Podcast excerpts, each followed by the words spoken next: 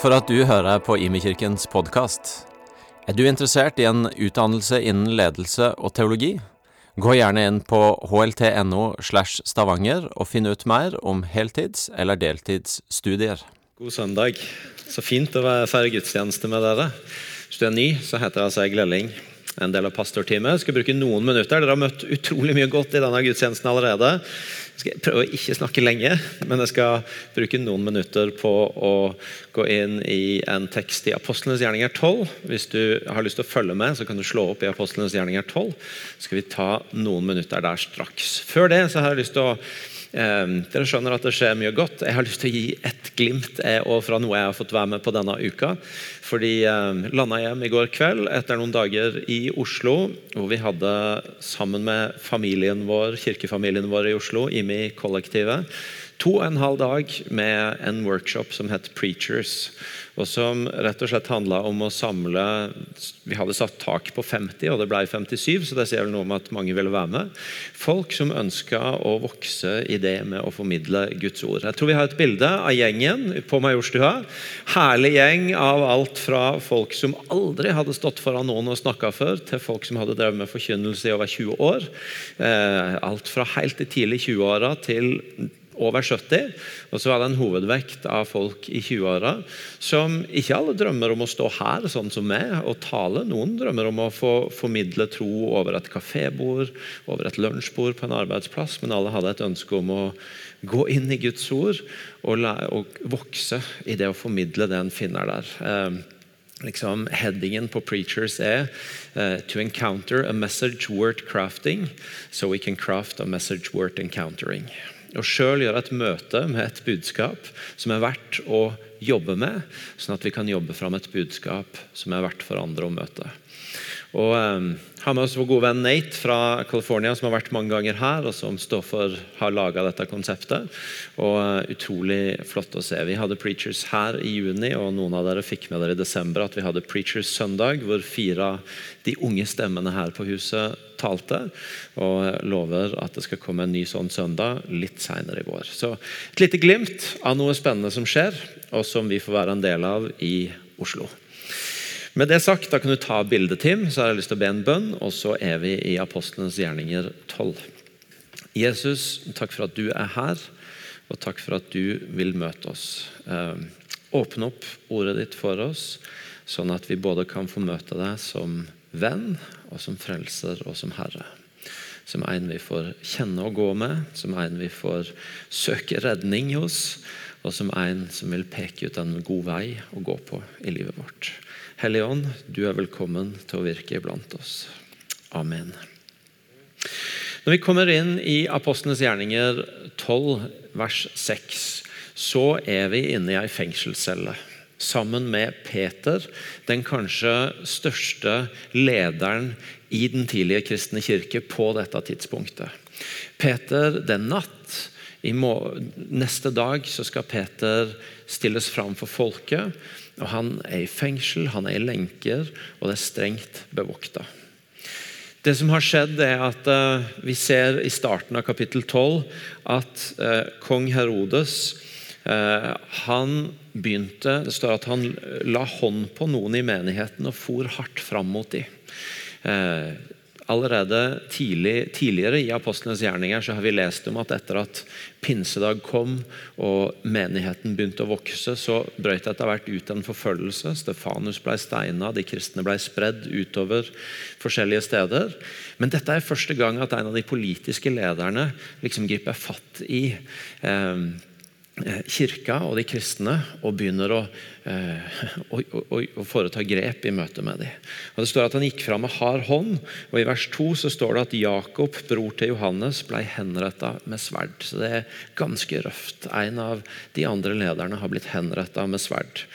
Og Så står det i vers 3 at da Herodes merka at jødene likte dette, så gikk han også videre og fikk grepet Peter også.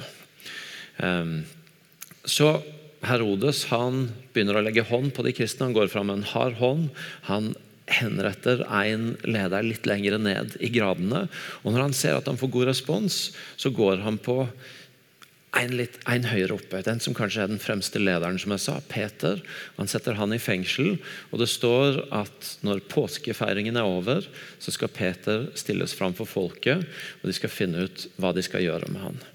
Så når vi i vers 6 leser at natten før Herodes skulle føre han fram, lå Peter og sov mellom to soldater. Han var bundet med to lenker, og fengselet ble bevokta av vaktposter som sto utafor døra. Peter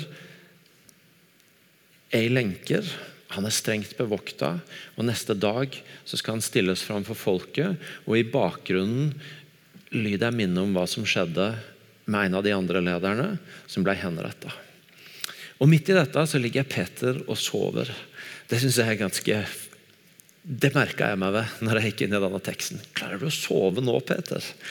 Du eh, skal stilles fram i morgen, og Kanskje er det livet ditt det er snakk om. Du har lenker på armene dine. og Jeg vet i hvert fall jeg kan streve med å sove hvis jeg ligger og vrir meg og ikke finner en god stilling. Jeg vet ikke hvordan det er å få til med lenker. Og du har to soldater rundt deg. Kanskje det er jeg som er fordomsfull, men jeg tenker at de lukter ikke bare godt. Og de er rett rundt deg. Og der ligger Peter og sover. Det er litt søvn i Bibelen. Hadde vi hatt god tid, så kunne vi prøvd oss på å lage en sånn søvnteologi fra Bibelen. For det er en del steder hvor folk sover. Og Noen ganger er det bra, og andre ganger er det ikke så nødvendigvis bra. Når Jesus sover i båten som er i stormen, så er det jo et uttrykk for at han har fred midt i stormen. At han er trygg for det om det stormer rundt ham. Når profeten Elia har egentlig gitt uttrykk for at han ikke har lyst til å leve lenger, og Gud møter han, så får han beskjed om å begynne med å sove litt og hvile ut. Og blir en påminner om at Gud bryr seg om kroppen vår, om det fysiske. At noen ganger så er det åndelig å sove og bare hvile ut. Men når disiplene er med Jesus i Getseman i hagen siste natta før langfredag, og, og, og, Jesus er der for å be, og de sovner, så er Jesus ganske tydelig med det. Klarer dere ikke å holde dere våkne nå? I dette øyeblikket, med alt det som står på spill nå? Noen ganger så er det å sove en god ting, et uttrykk for fred, et uttrykk for hvile. Andre ganger så er det et uttrykk for at nå er det på tide å våkne opp og få med seg det som skjer. Og Akkurat hvor Peter er i denne situasjonen, her, det vet vi ikke helt. Kanskje har han gitt opp. Kanskje er han så utmatta av det han har opplevd. Eller kanskje har han en fred på at et eller annet kommer til å skje. Men i seg sjøl er den situasjonen Peter er i her, ganske så håpløst. Han er fanga, han er i lenker, han er strengt bevokta, og han skal stilles fram for noe som virker til å være en høyst usikker eh, framtid han går i møte. Og Parallelt med det så skjer det allikevel noe annet. For det om Peter egentlig ikke har så mye mer han kan gjøre Han kan like godt sove, for han har ikke så mye han kan gjøre med situasjonen sin uansett. Så er det noe, allikevel noe annet som skjer.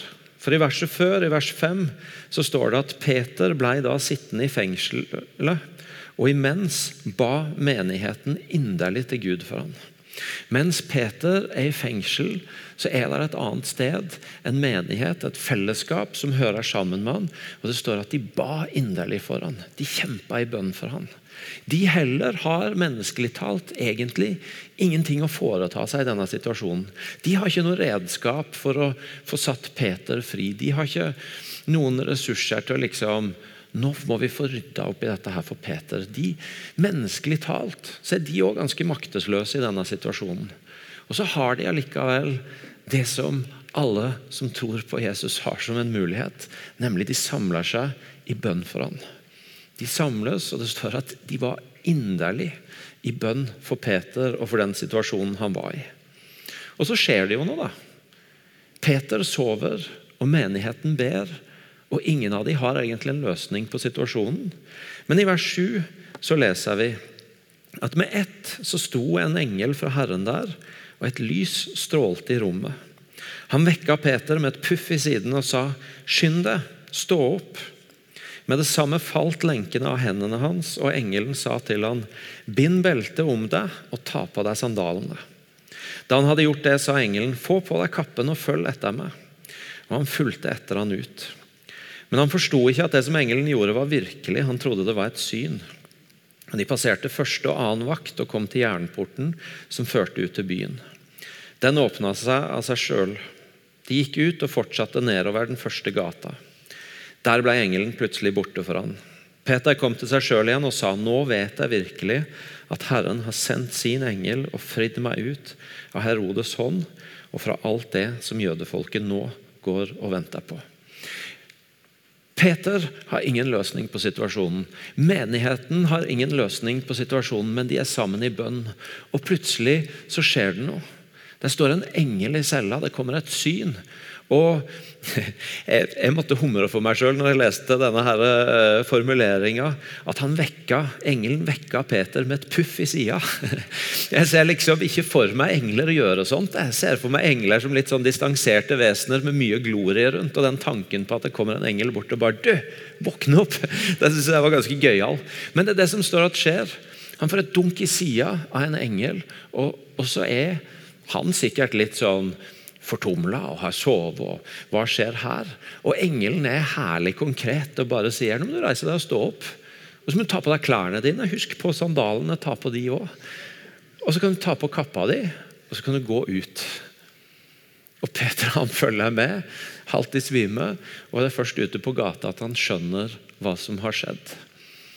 Det er en utrolig fascinerende historie om en situasjon som menneskelig talt er uten løsning, men som allikevel får en løsning i en kombinasjon av et fellesskap som er samla i bønn, og en Gud som griper inn.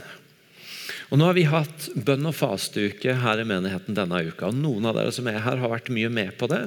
Og så er det helt sikkert noen i rommet som tenker oi, det var denne uka, ja. Og uansett så er det sånn at vi kan allikevel ta med oss det fokuset som har vært i denne uka, på å bare rydde plass til å be videre inn i den uka og de dagene som kommer.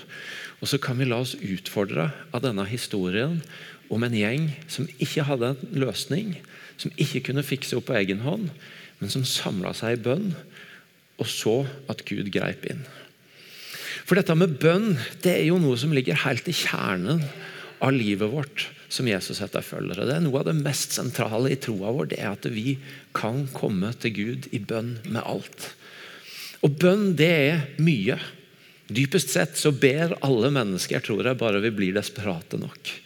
Men bønn er også noe en kan snakke om i mange forskjellige retninger. og Her på huset så vektlegger vi ganske ofte den sida ved bønn som handler om å finne hvile hos Gud.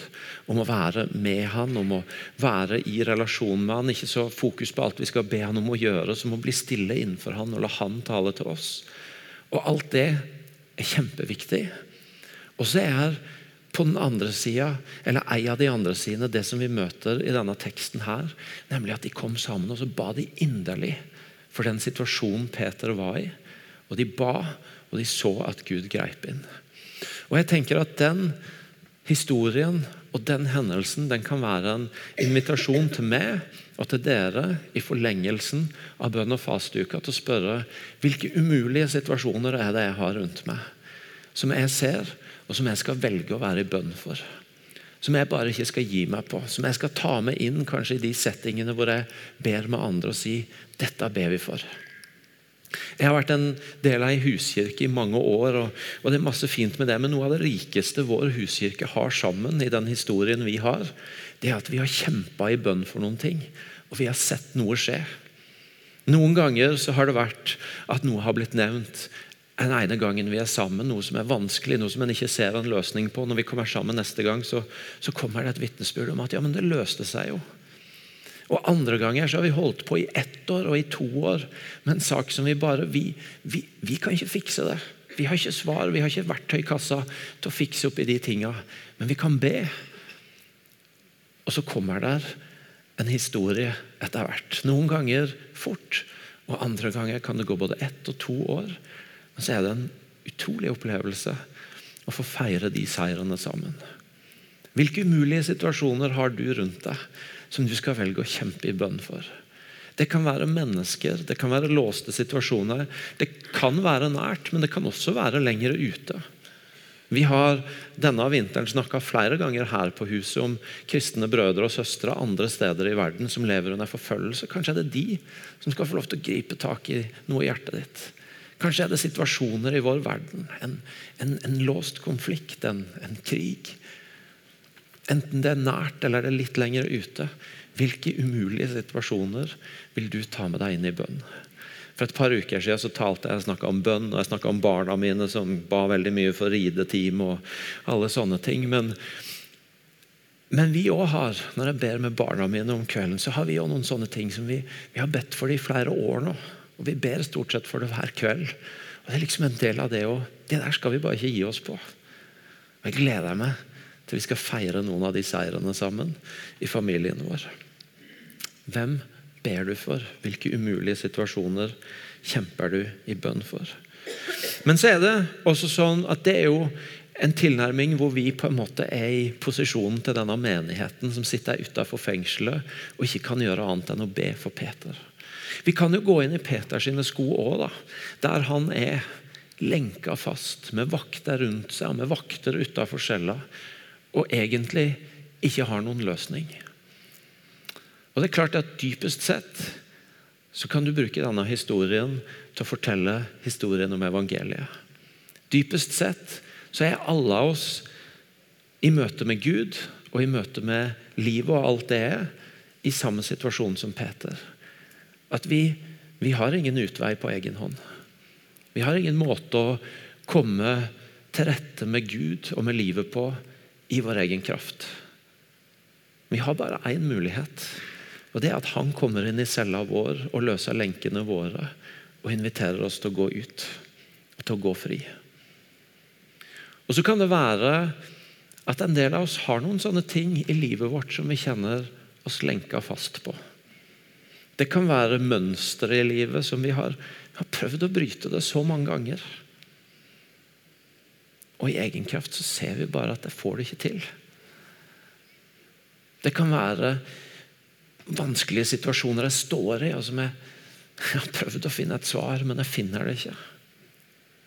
Og så er Denne historien en påminner om å invitere Guds kraft inn i det. Om at han er en som vil komme inn i de situasjonene og løsne opp lenkene. Og invitere deg til å gå ut. Og Da er det noe med å ikke bare be for andre, men også spørre andre om å be for du om å invitere andre inn i dine fastlåste situasjoner, i det du ikke kommer til rette med å si Kan dere være med meg i dette? Nydelig å høre historien om, om de som kommer her om søndagen. Det er ikke alltid de kanskje opplever at de får så mye med seg av det jeg sier her, eller andre ting, men, men, men når forbønnen åpner etterpå, så må de være der. For jeg må ha noen som er med og ber for meg i det jeg står i. Om de som bare må være der på tirsdagskveldene på bønn og lovsang. For jeg, jeg må være på en sånn plass hvor noen kan stå med meg i det jeg kjemper med. Om de som forteller om at de har stått i låste situasjoner og bare tatt med seg alle greiene sine inn i bønnehuset og så gitt opp overfor Gud. Og så har Gud, Gud løsna på lenkene. Det kan være lettere for oss noen ganger å ta kampen for andre enn å stille oss sårbare sjøl og si jeg trenger at du ber med meg og kjemper med meg i dette her. Jeg har noe i livet mitt som er låst. Jeg har noe jeg ikke kommer ut av. Kan du kjempe med meg i bønn? Så lett for oss å si nei, det går bra med meg, hva kan jeg be for du? Men det å stille seg i den situasjonen hvor også våre lenker kan bli løsna. Og så er det jo, så kommer jeg jo mot slutten av historien det som er humoren i denne historien. Vi kan lese fra vers 12. Da dette var blitt klart for han, gikk han til huset hvor Maria bodde, mor til Johannes med tilnavnet Markus. Der var mange samla i bønn. Han banka på ytterdøra, og en tjenestejente som het Rode, kom for å lukke opp. Da hun kjente igjen Peters stemme, glemte hun bare av glede å åpne døra, men sprang inn og fortalte at Peter sto utenfor. Du er fra Sa jeg noe feil nå? Nei. Gøy med 'du er fra sans og samling'. Flott, dere er med på humoren allerede. Veldig bra. Um, imens, eller, men da hun holdt på sitt, sa de det må være engelen hans. Imens fortsatte Peter å banke. Da de åpna og så han, ble de ute av seg undring. Han gjorde tegn med hånda at de skulle være stille, og fortalte hvordan Herren hadde ført han ut av fengselet. Og han sa, 'Fortell dette til Jakob og brødrene.' Så forlot han de og dro til et annet sted. Utrolig fascinerende. De har vært sammen i inderlig bønn for Peter, og de er fortsatt sammen og ber. Men når Peter faktisk er blitt henta ut av cella og satt fri og kommer og banker på døra, så det første som skjer er at hun som går for å åpne, hun hører stemmen hans hun blir så forfjamsa at hun glemmer å åpne døra for han. Hun løper heller inn og forteller det. Men responsen de sin Her har de sittet og bedt for han. Men den første responsen er hun har mista det. Og den neste responsen er nei, det må være engelen hans. De har bedt for Peter om en løsning for Peter, men når Gud faktisk griper inn, så syns de det er lettere å tro at hun er fra sans og samling, eller å åndeliggjøre det med at det er en engel, enn å faktisk tro at Gud har gjort det. Det er jo helt utrolig. Og Peter òg, litt tidligere, han strever jo med å få tak på det, han òg. Han tror han er inne i et syn. Og Det er først liksom når han står der ute på gata og engelen har stukket Å ja, det, det har faktisk skjedd. Og Det er jo utrolig fascinerende at vi kan be, vi kan kjempe for ting. Og så kan vi glemme å åpne døra og se at der, der skjedde det noe. Der greip Gud inn. Der kom det et bønnesvar. Og Det er noe med oss for oss å, å få tak på det. om å ja, på den ene sida høre kallet til å be og til å kjempe for folk i bønn. Og på den andre sida til å Noen ganger så må du faktisk åpne opp øya fra bønnene dine og åpne døra og ta imot det svaret som kommer. Se at det kommer, at Gud gjør noe. For det som etter hvert er over litt over en måned siden, så begynte det å komme noen historier om at et eller annet holdt på å skje blant noen studenter på et universitet borte i USA, i Asbury. Um, en vanlig andakt midt på dagen. Og Han har sjøl sagt det, han eh, studentpresten som talte der, at han hadde vært lat og forberedt seg dårlig. Så det var en høyst middelmådig undervisning han holdt. Men på slutten så inviterte han de som ville bli bedt for, til å komme fram. Og sa han mer enn gjerne ble igjen for å be med de og sammen med de. Og så Mange gikk tilbake til klassene, men noen ble igjen. Og Så begynte ryktene å gå, og noen begynte å se at oi, det er jo liv i kapellet fortsatt. Og så og så bare fortsatte det, og det strømma folk til. og begynte å komme mer og mer rapporter om, om denne lovsangen, dette bønnemøtet som bare ikke tok slutt. Om denne stillferdige vekkelsen hvor det ikke handla om de kjente ansiktene, men hvor det, hvor det ganske stille handla mye om omvendelse, om å være i bønn, om at Gud var nær. Og som bare varte og varte i flere uker, helt til ledelsen på skolen sa at nå må vi fortsette å gjøre skole, og så skal vi heller ha fokus på å sende dette ut og ta det videre andre steder. Noe som begynte smått, men som ble så stort at det reiste folk fra mange forskjellige steder i verden. og jeg, når jeg var i Oslo, så møtte vi folk som hadde reist fra Norge og for å være der og se. Og som fascinerende nok endte helt på topp, på fronten på VG. Plutselig står det på fronten av VG om studentenes bønn som gikk viralt. Titusener reiste til amerikansk småby. Og Litt tidligere denne uka, når jeg åpna i NRK radioappen, et av mine favorittprogram der, oppdatert. Midt iblant programmer om Putin og om eh, TikTok og Martine-drapet, så står det om TikTok-bønn starta spontan pilegrimsreise. Plutselig så har det vokst fram noe som både VG og NRK forteller om. Og I starten når dette her skjedde, så, så var det litt sånn forskjellig hva folk tenkte. Noen syntes det var kjempespennende, andre var litt sånn Er det bare noe som blir hypa? Er det virkelig? Er det rett å bruke sånne ord på det? Og så husker jeg leste noe som Pete Gregg, en utrolig eh, fin fyr som har leda og starta 24-7 bønnebevegelsen rundt om i verden. Han skrev noe helt tidlig dette på Facebook-profilen sin som igjen Dette skjedde i formiddag òg, som jeg trodde jeg hadde lagt klart, men om jeg bare leiter det raskt fram her, som jeg syns sa noe fint om dette. Han skriver, fritt oversatt fra meg etter 25 år med å tenke og be om disse tingene, så har jeg lyst til å si to enkle ting. For det første Når det kommer til rapporter om vekkelse, så vil jeg mye heller være godtroende enn kynisk. Og Så siterer han Gamaliel i Apostlenes gjerninger 5. Hvis dette er menneskers vilje og verk, så blir det ingenting av det. Men er det av Gud, så kan dere ikke stoppe dem. For det andre, vi trenger dette. Det som skjer på Asbury, er ikke, er ikke alt, men det er noe. Og akkurat nå så trenger vi noe som kan ryste systemet vårt, sånn at denne generasjonen kan erfare for seg sjøl den livsforvandlende kraften til Gud. Vi trenger omvendelse og hellighet. Vi trenger en utgytelse av Den hellige ånd på studiesteder som kan utruste en ny generasjon til å forkynne evangeliet med større frimodighet, bekjempe urettferdighet med større motstandskraft og forvandle samfunnet med større intelligens. Jeg bare tenker, Det er noe med vår holdning og hvordan vi ser på når Gud faktisk gjør noe av det vi ber om. Og må stille seg åpne for det om å heller være litt for godtroende enn litt for kynisk. La meg si, Det handler ikke om at det ikke er lov med spørsmål. Og, og Vi er også skrudd sammen forskjellig, så noen av oss har mer behov enn andre for å stille spørsmål. og det er fint. Men det der med allikevel, ok, hvis vi ber Gud om å gripe inn, da, enten det er nært i vårt eget liv, eller om det er noe han skal gjøre i byen eller landet, og faktisk ha øya åpne og se når det er tid for å åpne ei dør og ta imot noe han gjør også. Og Det tror jeg også er noe vi utfordres på i denne teksten på den ene sida å be, på den andre sida å stille oss sjøl sårbare for å ta imot det han vil sette fri i vårt liv. Men også for å åpne øya våre og se hva er det vi skal ta imot av det han gjør. Å få øye på de tinga som spirer fram, og som kanskje av og til begynner smått. Med rapporten om at noen ble igjen i et kapell, men som blir til noe mye større. Så det min enkle invitasjon til oss mot slutten av bønn- og fasteuka og videre inn i tida inn mot påske. Og på bakgrunn av denne teksten hvem vil du kjempe for i bønn?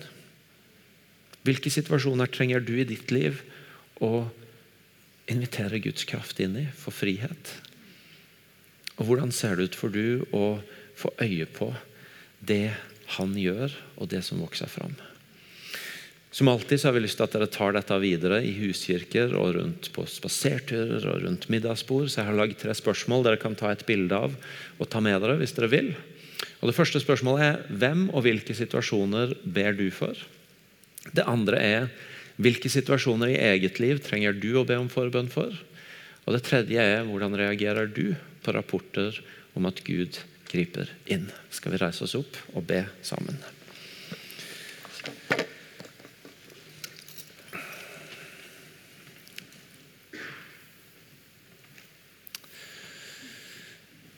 Jesus, takk for invitasjonen til å be. Og takk for invitasjonen til å se din kraft virke, både i eget og andres liv. Takk for at du er en som bryter lenker. Takk for at du er en som setter deg fri. Takk for at du er en som har svaret og løsninger der hvor vi ikke har noen redskap. Gjør oss til et bønnens folk. I møte med hverandre, i møte med byen, i møte med landet. Og hjelp oss å se når du gjør noe. Hjelp oss å ikke bli sittende bak ei lukket dør når du banker på og vil vise oss bønnesvaret, vil vise oss det du gjør. Men hjelp oss å se det, gi oss nåde til å ta det imot. Og så skal vi få synge sammen en sang som teamet tar oss inn i. I, I speak Jesus. Som på den ene sida holder fast i denne aktive holdninga som jeg har snakka om nå.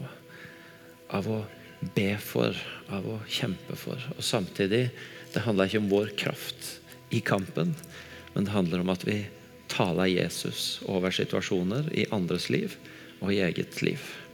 Så La oss bruke det som en bekjennelse for de situasjonene som har dukka opp for du mens jeg har talt nå.